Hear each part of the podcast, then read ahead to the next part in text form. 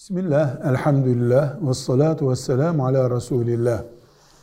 Kaza etmek, yani şimdi olmadıysa vaktinde, daha sonra onu vaktinde yapılmayanın yerini doldurmak için yapılan ibadeti kaza diyoruz.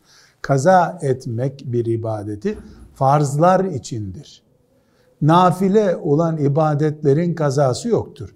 Bir şeyin aslı yapılırken farz değilse, vacip değilse, vitir namazı gibi, onu yapmadık mı, o kaza edilmesi gereken bir ibadet olarak olmaz. Mesela ben her gün yatmadan önce 10 sayfa Kur'an okuyordum. Bu nafile bir ibadettir. Farz değil, vacip değil. Bu akşam okuyamadan uyudum. Mülk suresini okuyordum, okuyamadım, uyudum. Yarın bunu kaza etmem gerekir mi? Hayır. Farz değil, vacip değil bu. Ama nefsi terbiye etmek, disiplini bozmamak için ben şunu sabahleyin kaza edeyim der Müslüman. O bir farz, bir görev olarak değil. Velhamdülillahi Rabbil Alemin.